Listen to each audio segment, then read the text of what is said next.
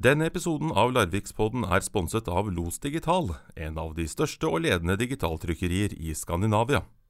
Siden oppstarten i Larvik i 1993 har visjonen vært å alltid være i forkant, se etter de mest effektive metodene, den nyeste teknologien og unike kvaliteter både hos mennesker og maskiner.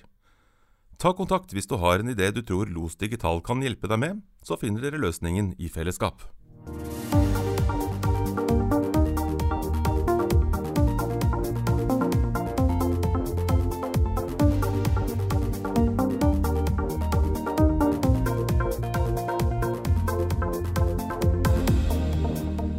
Vi skriver uke 43 og markerer siste uke med sommertid, også her i Larvik. Jeg heter Tormod Ugelstad, og dette er episode 9 av Larvikspodden.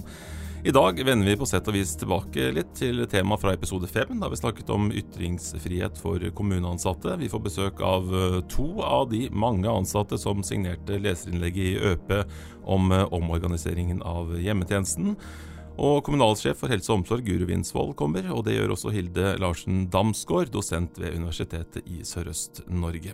Men aller først ønsker jeg velkommen til deg, Kjetil Wold, som synser der andre mener. Eh, ja, det stemmer. Takk. Hvordan har Larviksuka vært? Den har vært eh, Den er jo alltid litt mer spennende når det er kommunestyremøte, for Ja. da er det mye synsing på rådhuset i forkant. Det setter jeg pris på.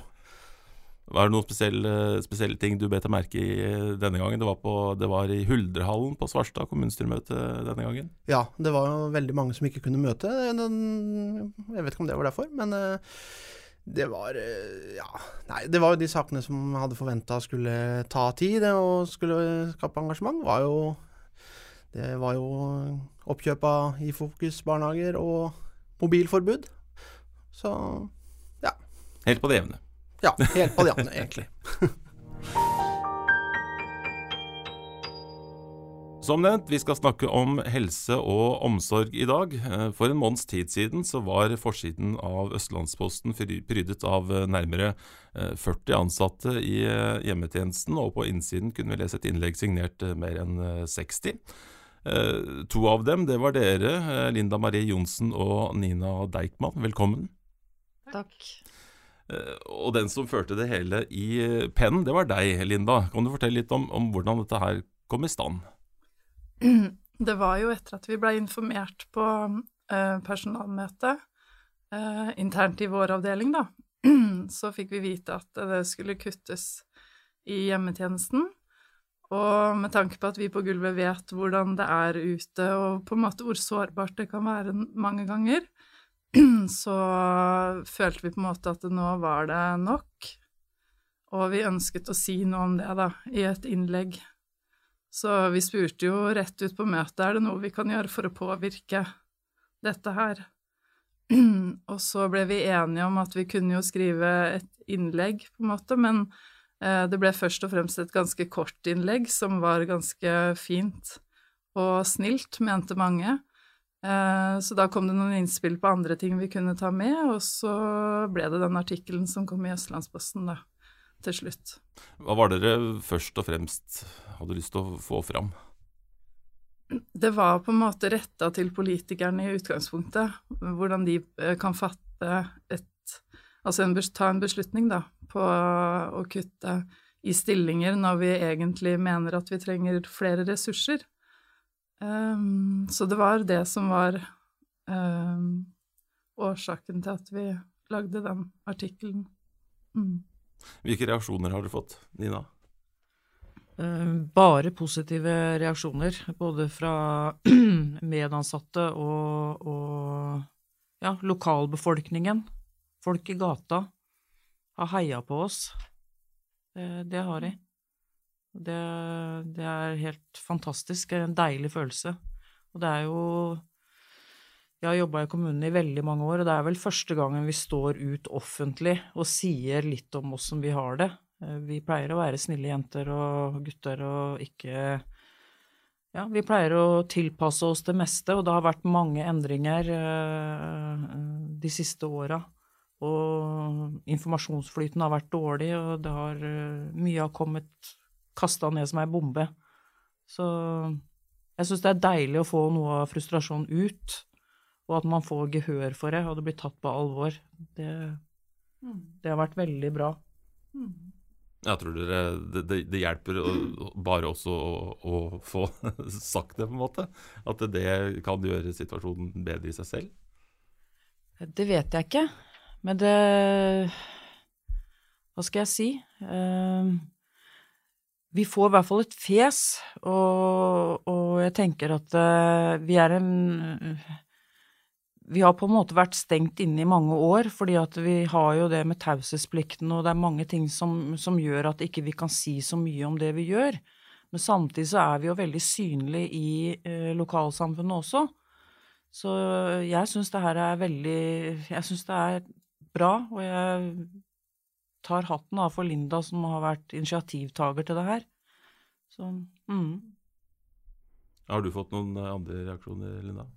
Ja, det har vært veldig positivt, som Nina sier også. Vi ble heia på vakta etter at det var i Østlandsposten også i ettertid, og det var jo også noen pasienter som skrev innlegg òg, og heia på oss. Så det er veldig godt å på en måte få den støtten, eh, men samtidig også har det vært eh, større reaksjoner enn vi trodde.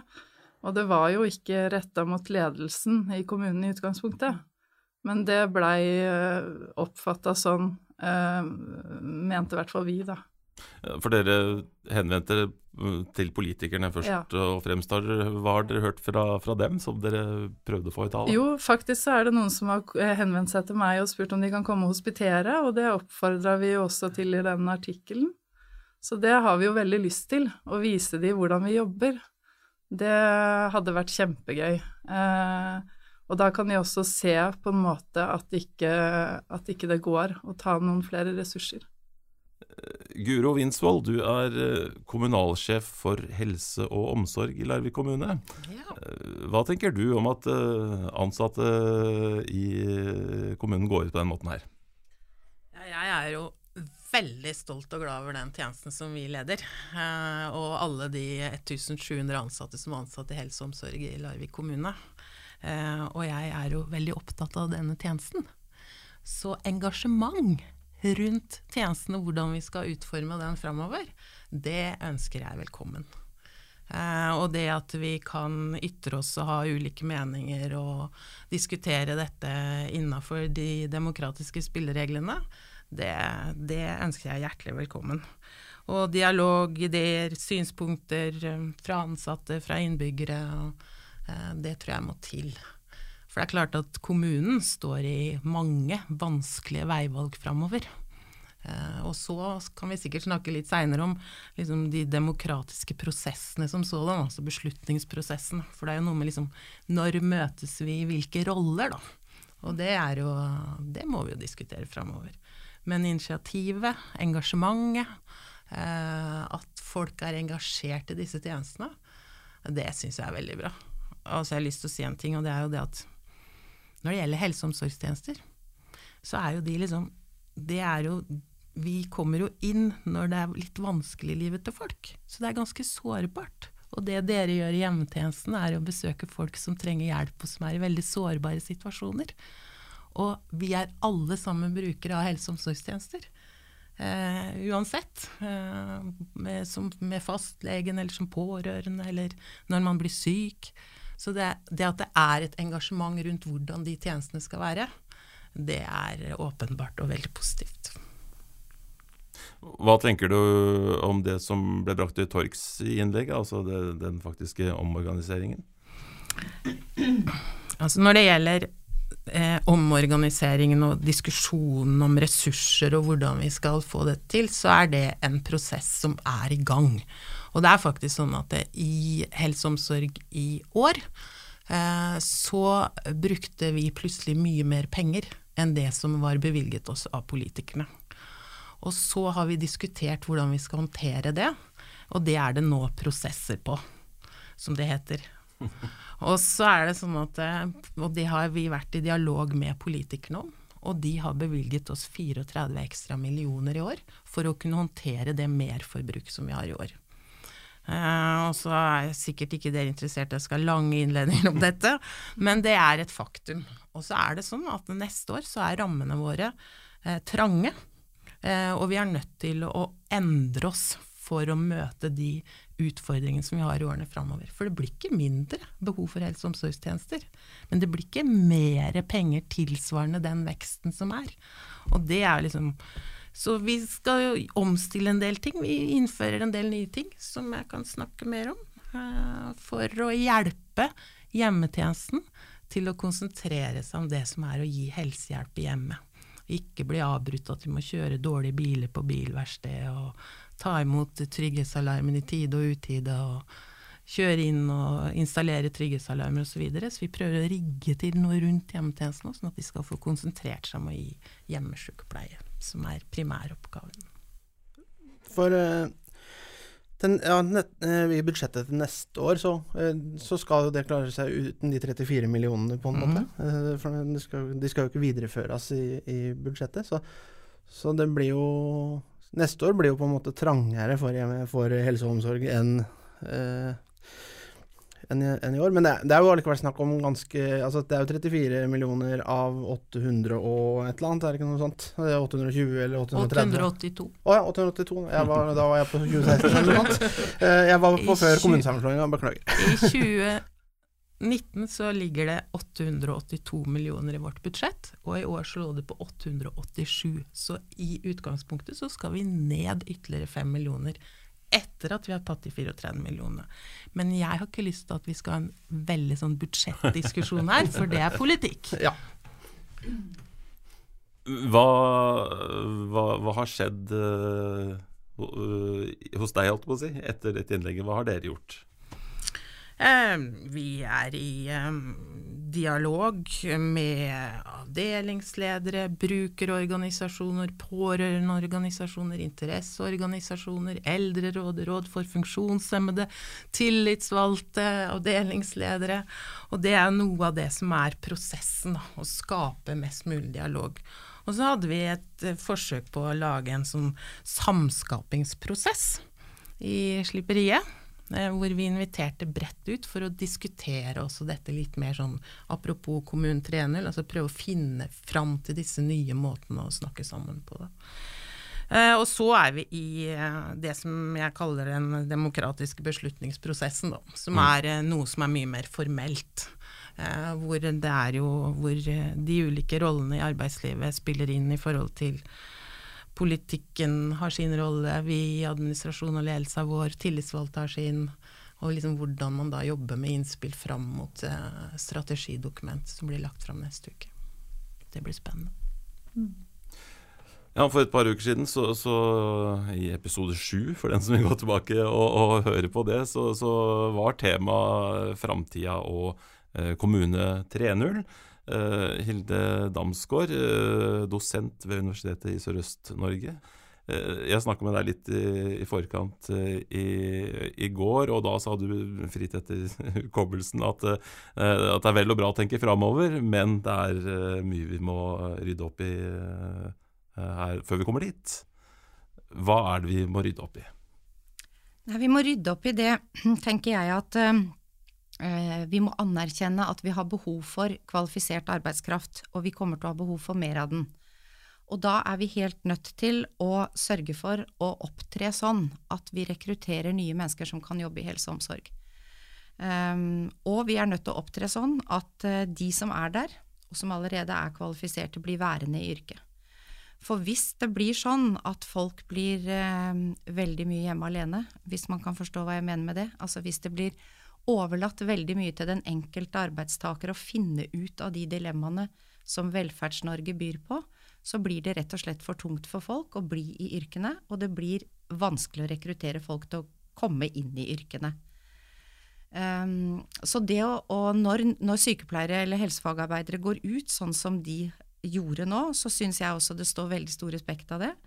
Um, og jeg syns det jeg da hører er at nå er man ferdig med å kunne ha alle utfordringene som sitt privatiserte nederlag. Det er et, et, et, begrep vi ofte bruker i, i fagverdenen da, når vi snakker om at uh, det som egentlig er et kollektivt, et felles ansvar, det blir lagt på skuldrene til den enkelte fordi den enkelte føler et ansvar for å få det til, til å finne ut av det, til å rekke alt man skal rekke, og når de ikke klarer det, så føler de det som en bør som ligger på sine egne skuldre. Det blir på en måte et individuelt nederlag å ikke få det til. Ikke få til hva, tenker du på? Få til å rekke det man vil. Ja. Altså der, der, I den uh, konferansen som du snakket om, Guro, med Bedre sammen eller Best sammen, der var det jo en, en sykepleier som deltok og som satt ved samme bord som meg, og hun var veldig opptatt av at for å kunne gi gode helsetjenester, så er vi helt nødt til å ha en relasjon til pasientene, på det eller brukerne, på den måten at man,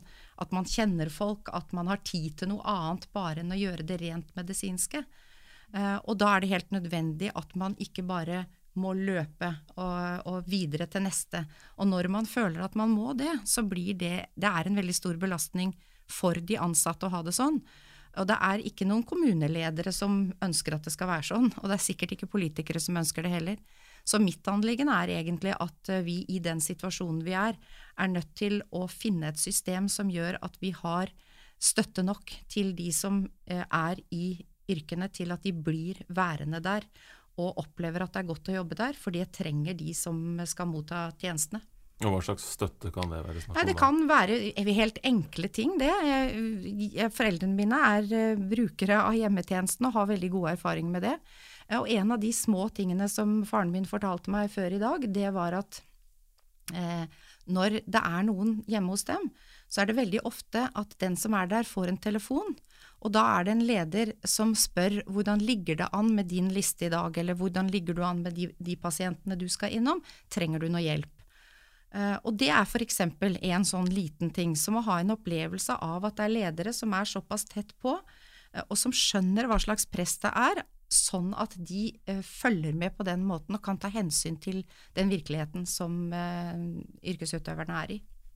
Det er en, en bitte lite eksempel. Et annet eksempel er det at uh, sånn som du Nina sier, at, at um, vi har vært snille gutter og jenter veldig lenge. Og velferdsstaten er, har veldig lenge vært avhengig av snille gutter og jenter. Uh, og det kommer vi til å være framover også. Men poenget må være at vi har så stor respekt for de som er i yrkene, at vi lager noen systemer som gjør at det skal være lov til å komme med ting og bli tatt alvorlig uten at det må renne over og at man må gå til avisa med det. Så, så, jeg tenker at det er viktig både å tenke system, sånn at ledere følger tettere opp i, i tjeneste, de som utfører tjenestene, men også det at vi lager noen systemer som gjør at vi ans, eh, innser at, at, dette vi står overfor, det er, et, det er et felles problem, rett og slett. Det er ikke sånn at uh, Guro er slem fordi hun ikke gir mer penger, eller politikerne. Det er vel ikke du som gir pengene, da, men det er jo politikerne som gjør det. Men, men, at ikke det er sånn at det blir isolert, og at ikke vi skjønner at dette her er et kollektivt problem med eldrebølgen liksom rett rundt hjørnet. Ja, for det blir jo ikke, det blir, det blir ikke færre nei, det blir ikke, det blir ikke, det blir ikke det. Og det som også er tilfellet, som vi vet, det er at eh, folk lever lenger. Og det betyr at de lever med mer sammensatt uh, problematikk. Og at flere mennesker lever hjemme lenger. Og det betyr også at vi er nødt til å ha en annen type Ehm, tjeneste hjemme. Og noe av det kan vi løse ved å begynne å tenke teknolog teknologiske løsninger og, om, og omdisponering av ressurser. Men den menneskelige kontakten og det å lage de gode møtene mellom folk, som er helt avgjørende for at uh, eldre mennesker og yngre som mottar hjemmetjenester skal føle trygghet nok til å være i sitt eget hjem når de trenger hjelp, det er helt avgjørende. Da, ja, skal vi ta ordet, liksom? Ja, bare ta det. Ja, for jeg har lyst til å gå litt videre i forhold til det du sier. Altså, jeg er helt enig. Og så er det sånn at det, det, vi prøver å tenke nå, er at vi skal skape et vi. Altså vi må, og det var det den konferansen prøvde på i Slipperiet òg, at vi møtes veldig mange forskjellige for å diskutere dette i en større sammenheng. Og så er det sånn at det blir veldig mange flere eldre. Det er liksom ikke, det er ikke tvil. Og vi lever lenge. Men det som også skjer, er at det er jo en seniorkraft i den eldrebølgen som er ganske formidabel. Mm. Altså Folk går av med pensjon, 62, 65, 67 år gamle, og mange av de har store ressurser eh, og ønsker å delta. Så det er liksom det å få utløst alle disse kreftene eh, til nettopp det du sier, å skape på en måte et sted hvor vi kan møtes, hvor ikke det er bare for å motta hjelp individuelt, mm. men hvor man faktisk opplever mening i livet. Så vi må dele den utfordringen, rett og slett. Så det er ikke noe verken kommunalsjefen eller den enkelte ansatte i hjemmetjenesten eller akademia eller uh, politikerne kan løse aleine. Dette, uh, dette, er et felles ansvar i samfunnet, og vi må tenke nytt.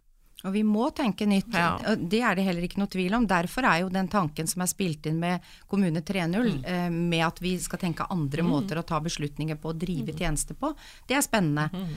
Men det jeg blir litt redd for noen ganger, i disse tider hvor vi er så fremoverlente og vi er så innovative og entreprenørielle og alt eh, med seg, så er det sånn at noen ganger så kan vi komme til å lene oss så framover at ikke vi tar tak i og tar vare på de menneskene som håndterer problemene her og nå.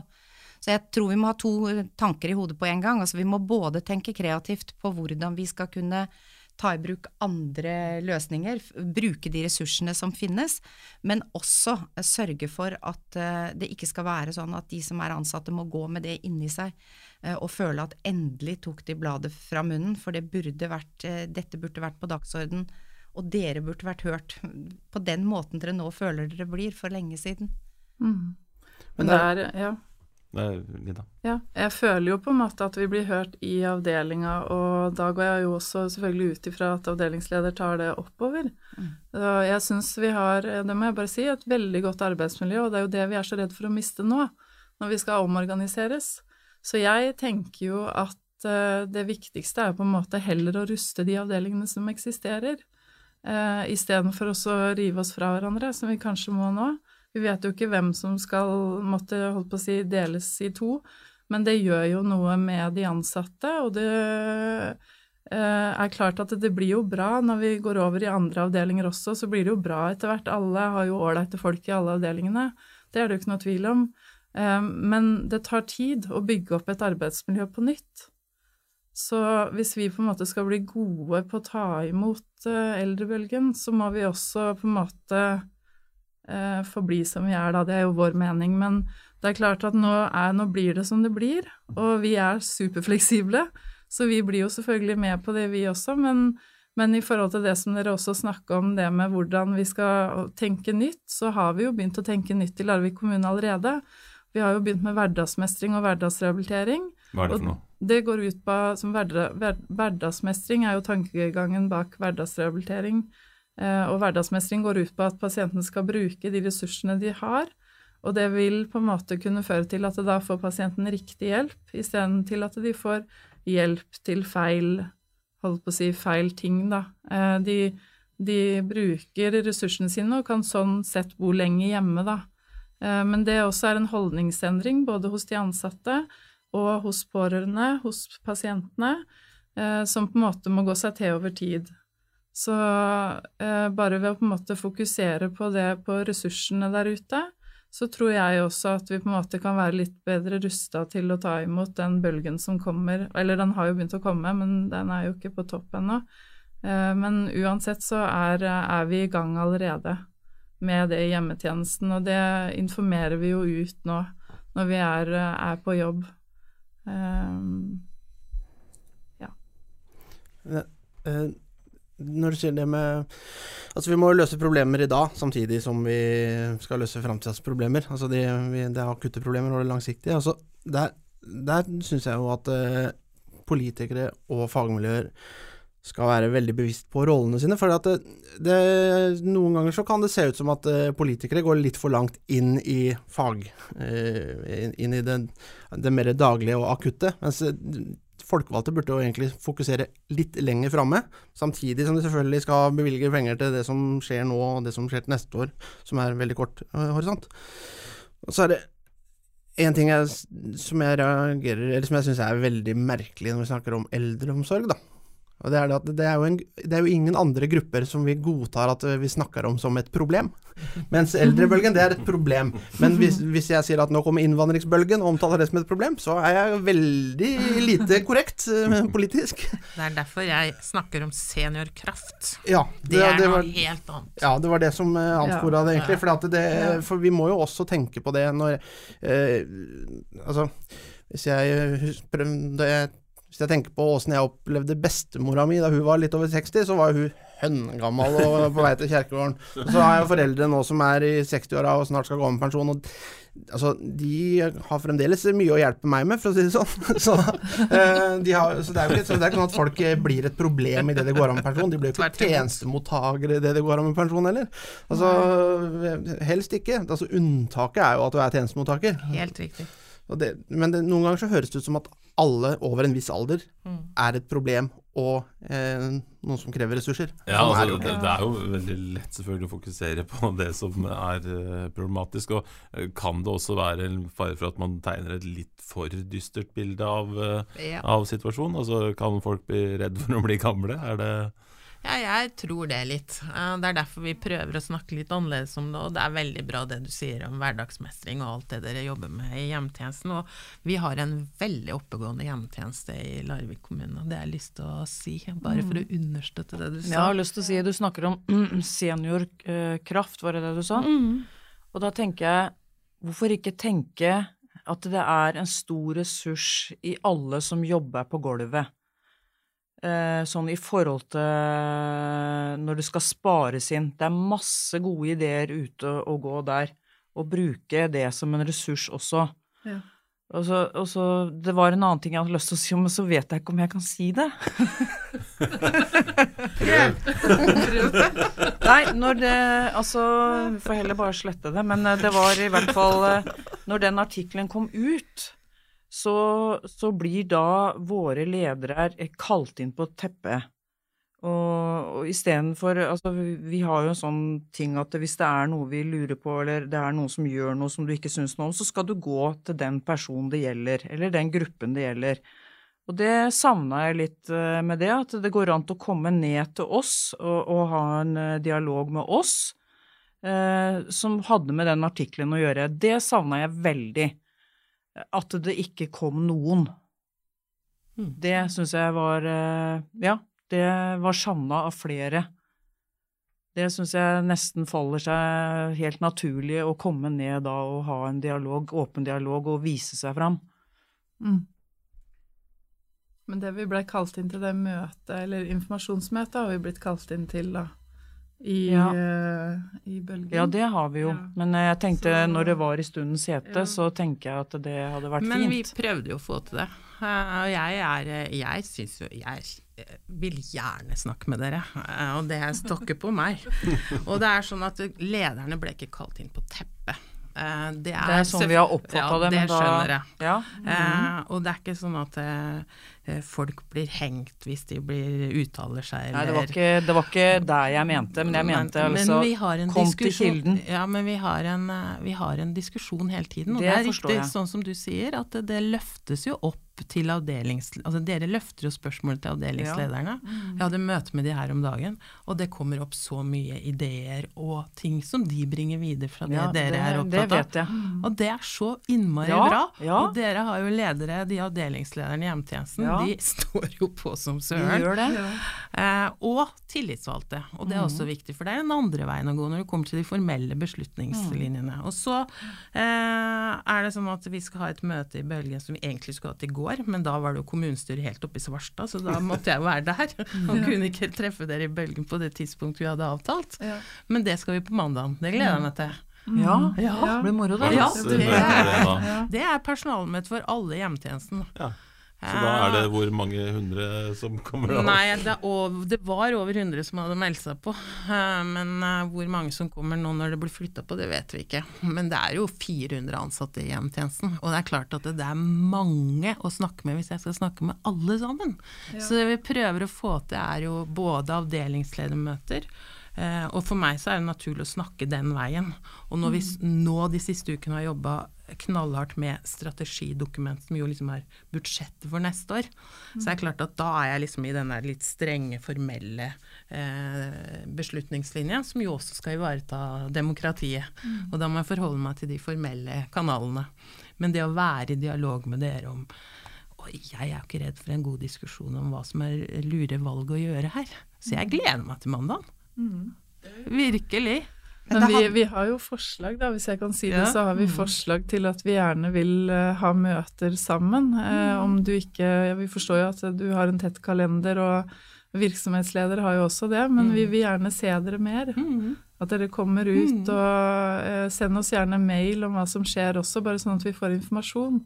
For det, vi, vi får jo informasjon fra avdelingsleder, det gjør vi jo, men den synligheten da, Mm. til dere lenger opp, Mm. det ønsker vi gjerne mer av. Og du har jo ikke vært mer enn litt over et halvt år, så du må jo også få tilpasse deg.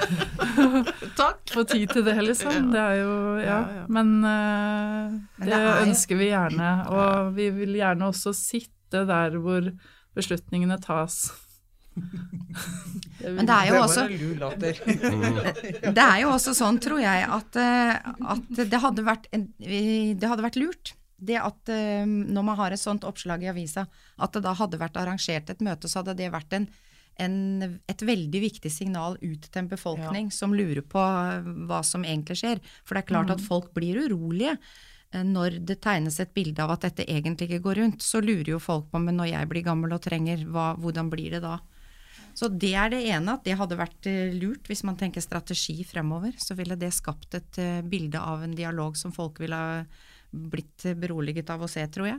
Eh, og så er det det andre er jo spørsmålet om Altså det er et slags rykte som går på det at det ikke er så greit, som du sier, å ta opp kritikk i offentlighet.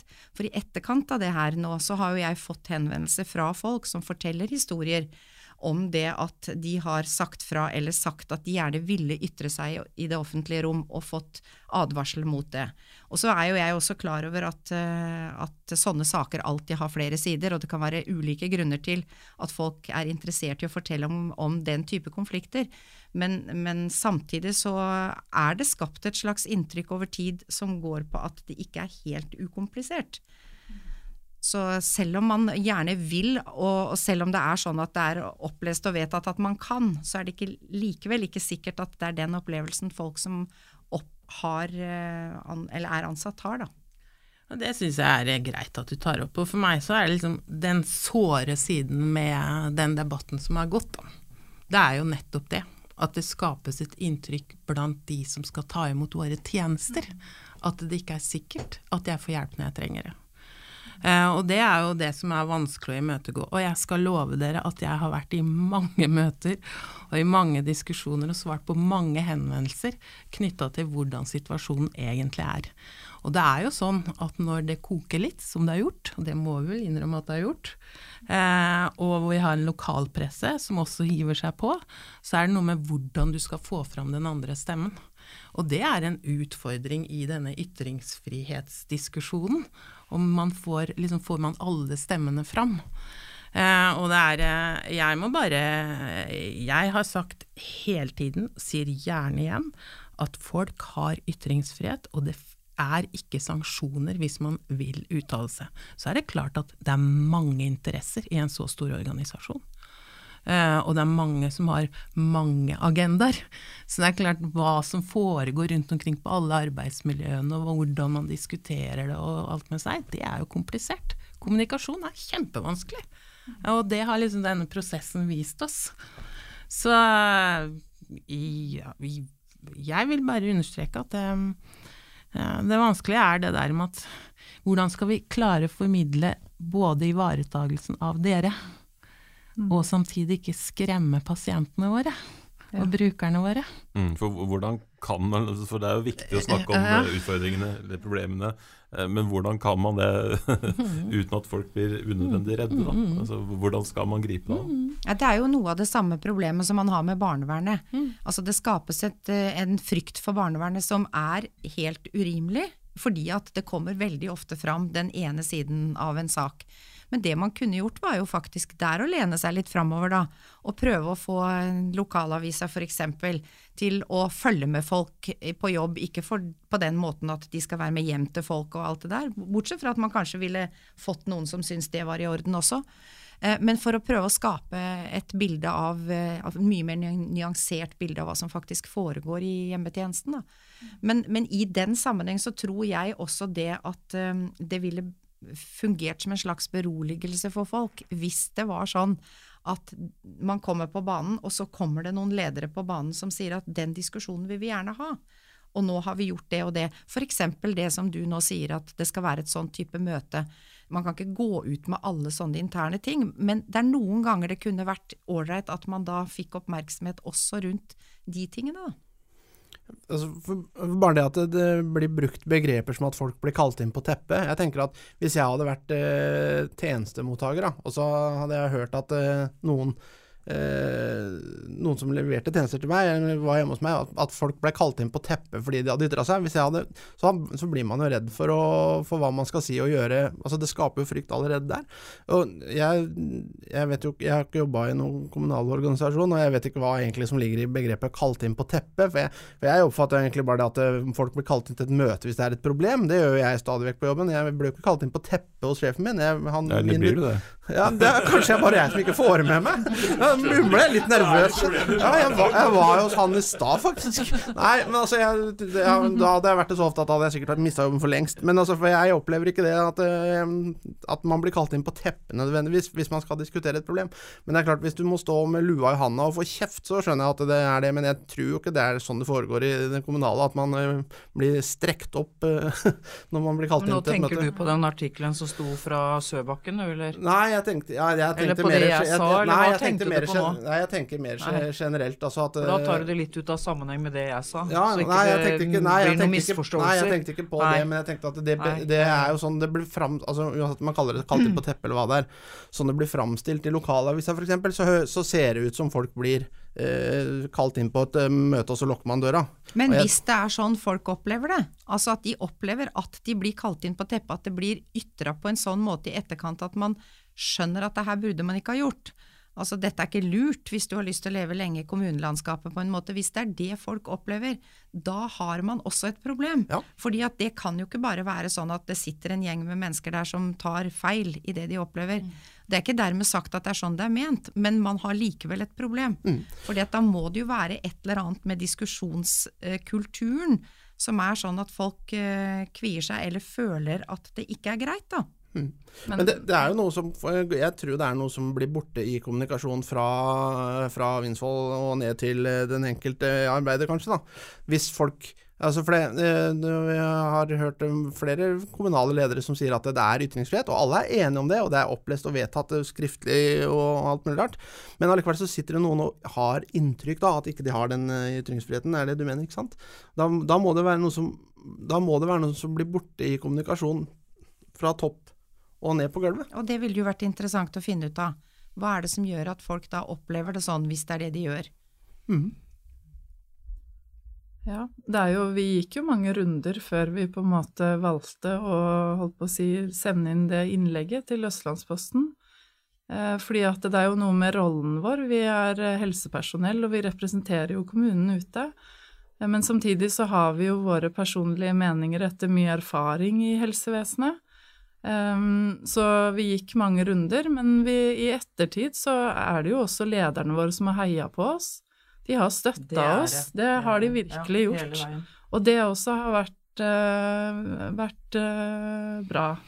Da syns jeg at uh, istedenfor det at vi skal bli hengende med at folk blir kalt inn på teppet hvis man uttaler seg, så syns jeg at den saken og hvordan dere håndterte det ute i, uh, i Kanalgata og med deres avdelingsleder og den diskusjonen jeg har hatt med deres avdelingsledere, har vært langt fra å bli kalt inn på teppet. Ja. Og det er, syns jeg at eh, vi skal berømme dere for, Ja. og avdelingslederen deres for. Eh, og så er det noe med ordbruken som tar litt av noen ganger, når det er oppheta i noen kulturer. Så det må vi bare være veldig varsomme med. Ja. Fordi det er som du sier, det høres jo dramatisk ut. Jeg har vært leder i offentlig sektor i 20 år, eh, på mange nivåer. Jeg har, verken, jeg har vel ikke blitt kalt inn på teppet heller? Nei. Og jeg har i hvert fall ikke kalt inn noen på teppet, for å si det sånn. Så glemme at jeg sa akkurat det uttrykket. Det er bare et uttrykk som eh, der, Vi bør ikke ha hele diskusjonen om kalle inn på teppet. Nei, det er det jeg Du kan mener. kalle hele podden for kalle inn på teppet. parketten. Ja. Nei, altså, men det, er så- jeg det, men det er greit å bruke det, altså, å bruke det begrepet, fordi det er et veldig enkelt begrep som de fleste, de fleste skjønner hva det betyr. Så det er jo greit å, bruke, å, å snakke om det, at det ikke er det som skjer. Det, Men, men det er også samtidig nødvendig å understreke at uh, helsepersonell uh, er altså da uh, pålagt, ifølge helsepersonelloven, å gi forsvarlig omsorgsfull hjelp. Og helsepersonell de har en utdanning som innebærer at de faktisk lærer at det er en del av deres profesjonalitet å sørge for at det også blir diskusjon om bruk av offentlige midler. Sånn at de er en del av norsk velferdsstat. Og når, når, norsk velferdsstat må faktisk innimellom ha diskusjoner om hvordan prioriterer vi, prioriterer vi riktig, er det andre ting vi skal bruke penger på enn det vi bruker penger på nå?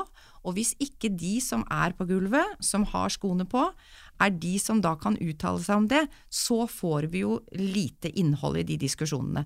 Så egentlig burde det være sånn at når folk da tegner et bilde av hvordan det ser ut fra deres ståsted, så burde det være nettopp som du sier, at det burde man bare klappe for og si at kjempefint, da får vi en sånn type diskusjon. Men så må vi også sørge for at vi da får fram det bildet som viser hva som foregår som er godt, sånn at befolkningen får et, et bilde av at det, det sitter faktisk ganske mange godt voksne mennesker hjemme og har stor glede av hjemmetjenesten. Mm.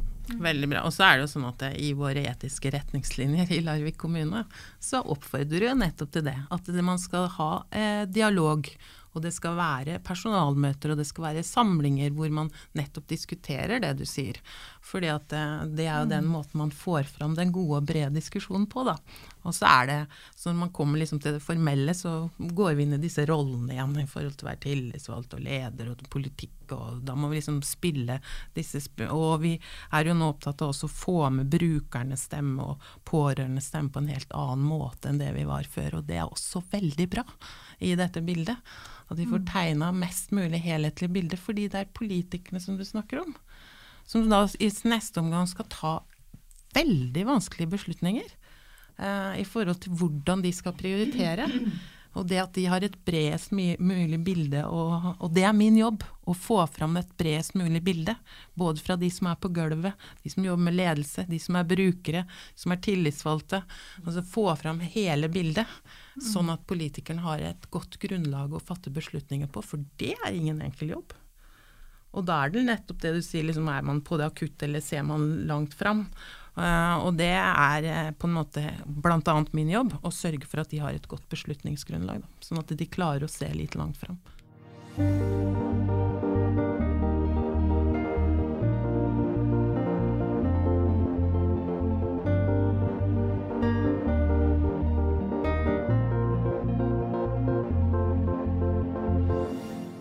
Vi, går litt mot slutten nå, men jeg har lyst til å høre aller først eh, Linda og Nina. Hva er det som fungerer best i hjemmetjenesten? Humoren? Nei da. Ja. Humor. um, ja. Jeg må si det er én ting Jeg har jobba veldig mange år i kommunen, og det som jeg syns har vært sånn eh, banebrytende, som har vært moro og fantastisk, det er elektroniske meldinger. Det syns jeg var så stort, det, og det er fremdeles stort. Ja, det er det. Er, det noen andre meldinger enn vi andre tenker på? Ja, det er nok det. Det er eh, da en uh, kommunikasjon mellom eh, oss og sykehuset uh, i Vestfold og Telemark, Rikshospitalet, forskjellige sykehus, og fastlegene. Som vi da kan sende direkte meldinger, og de kan svare oss. Og det er helt fantastisk. Mm. Ja. For i dette bildet hvor, eh, hvor, eh, hvor det blir eh, flere eldre må, og Kommune 3.0, som vi har snakka om tidligere, så må vi begynne å gjøre ting på, på, nye måter. Og noen ting må vi kanskje slutte med. En liten runde på det. Hva skal vi slutte med? Det er ikke så veldig lett å svare på hva vi skal slutte med, men jeg, jeg, har en erfaring som pårørende som er at når eh, hjemmetjenesten er inne og gjør de tingene som handler om det som går på helse, så er det mulig for meg som pårørende å gjøre en del av de andre tingene som gjør at da trenger ikke foreldrene mine å bruke offentlige tjenester til det. Og jeg har opplevd det som en befrielse, rett og slett, at eh, helsepersonell har sagt at det er ikke ditt ansvar. Det betyr at det trenger ikke jeg å tenke at burde vært mitt ansvar. Så det å klare å få ressursene som ligger i pårørende fram, gjennom at det er noen som faktisk tar helseansvar, eh, så pårørende ikke trenger å ta det, det tror jeg kan være en eh, ressurs som, eh, som kommer til å bety mye. Det er jeg helt enig Og det er jo faktisk sånn at hvis, tenk, hvis vi tenker på oss sjøl når vi blir gamle, så ønsker vi jo i utgangspunktet minst mulig inngripen. Du vil jo helst klare deg sjøl så lenge du kan. Og med de elektroniske hjelpemidlene som vi nå har, eh, så er det også en revolusjon. Og når vi har sånne hjemmesykepleiere som lærer meg om hvordan jeg skal klare å mestre min sykdom, istedenfor bare å komme og hjelpe til, så er det også en, en måte å endre tenkinga på, som du sier, da. Mm. Så det å spisse helsehjelpen eh, til å konsentrere seg om det og gi helsehjelp, tror jeg er bra. Og så må jeg bare si at det som er bra med hjemmetjenesten, hvis vi skal konsentrere oss om det Vi har 1100 mottakere av hjemmetjenester i Larvik kommune. Det betyr at det er over 100 000, og det er flere hundre tusen hjemmebesøk i løpet av ett år. Flere hundre tusen. Og flesteparten av de møtene der går helt fantastisk. Ikke sant? Og det er jo det som er gullet i eh, hjemmesykepleien. Det må jeg bare si. Men da er det jo sånn som det er med resten av helsetjenestene. Altså, vi leser om helsetjenester, så er det som regel noe negativt. Eh, og det blir Mens hvis du snakker med folk du kjenner som, som mottar tjenester, eller som har ligget på sykehus eller hva som helst, så er de, det er veldig sjelden at du møter noen som har ligget på sykehus og sier at det er det verste jeg har vært med på. Altså, de fleste, meg sjøl inkludert, når jeg har kommet ut fra sykehus, så har jeg vært kjempeimponert over hvor bra det har vært. Og, men, og det er klart at det er ikke så interessant for media å skrive om ting som er bra. Det er ikke noe, skaper liksom ikke noe store, det store engasjementet. Men det må jo legges fram et mer tydelig bilde, altså et, et mer ærlig bilde da, av åssen det faktisk fungerer. Og da er det noen ting som ikke fungerer, og så er det veldig mye som fungerer veldig bra. Sånn er det jo med alle offentlige tjenester, men det er ikke så veldig spennende å skrive om. Jo, men det kunne jo vært veldig spennende. Tenk hvis man hadde laga et stort lørdagsoppslag, hvor man virkelig gikk inn og laga en breddereportasje om hva som foregår i hjemmetjenesten. Da hadde man fått fram at det foregår veldig mye som er bra, eh, og så kunne man samtidig sagt noe om at å ja, vi tar vare på de ansatte også. Så hadde folk blitt rolig i sjela si, tror jeg. Jeg har jo en bilde som jeg har tenkt på noen ganger. At når jeg våkner opp om morgenen, så kan jeg begynne å tenke på alle de ansatte som er ute og jobber i hjemmetjenesten, som hjelper folk å stå opp, eller på sykehjem, eller på sykehus, eller i tjeneste funksjonshemma. Altså det, er et, det er en sånn aktivitet til enhver time på døgnet i forhold til våre tjenester. Og det er sånn som jeg tenker på med glede innimellom. Fordi jeg vet at det der gjøres det veldig mye bra. Det er veldig mye bra møter mellom mennesker. Da. Når du står opp om morgenen, så har vi hundrevis av ansatte i eh, helseomsorg i Larvik som er ute og gir tjenester på, til veldig mange forskjellige mennesker med veldig mange forskjellige behov. Det syns jeg er eh, kult å tenke på. Og så får de lov til å medvirke på en annen måte enn tidligere også, fordi at vi, vi spørres faktisk nå hva slags helsetjeneste er det behov for.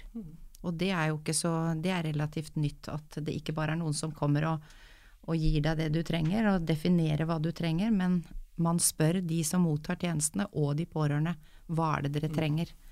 Og det med pårørende er kjempeviktig. Og det å, vi har også en sånn målsetting om å gjøre det lettere å være pårørende. Apropos det du sa i stad.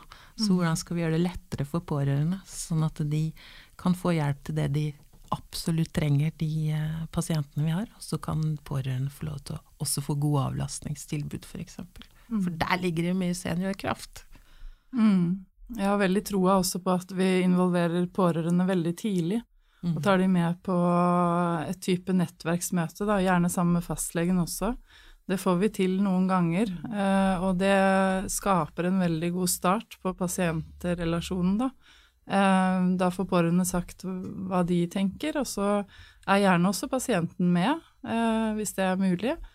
Og så får vi til et godt samarbeid fra starten av. Og det er så utrolig mye vi holder på med. Vi har ernæringsscreening, vi passer på de Eller passer på hvis de er i fare for å, å gå ned i vekt, altså underernæring, da. Eh, Vi varsler fastlegen hvis vi ser at det skjer. Eh, Det har vi jo ikke gjort før.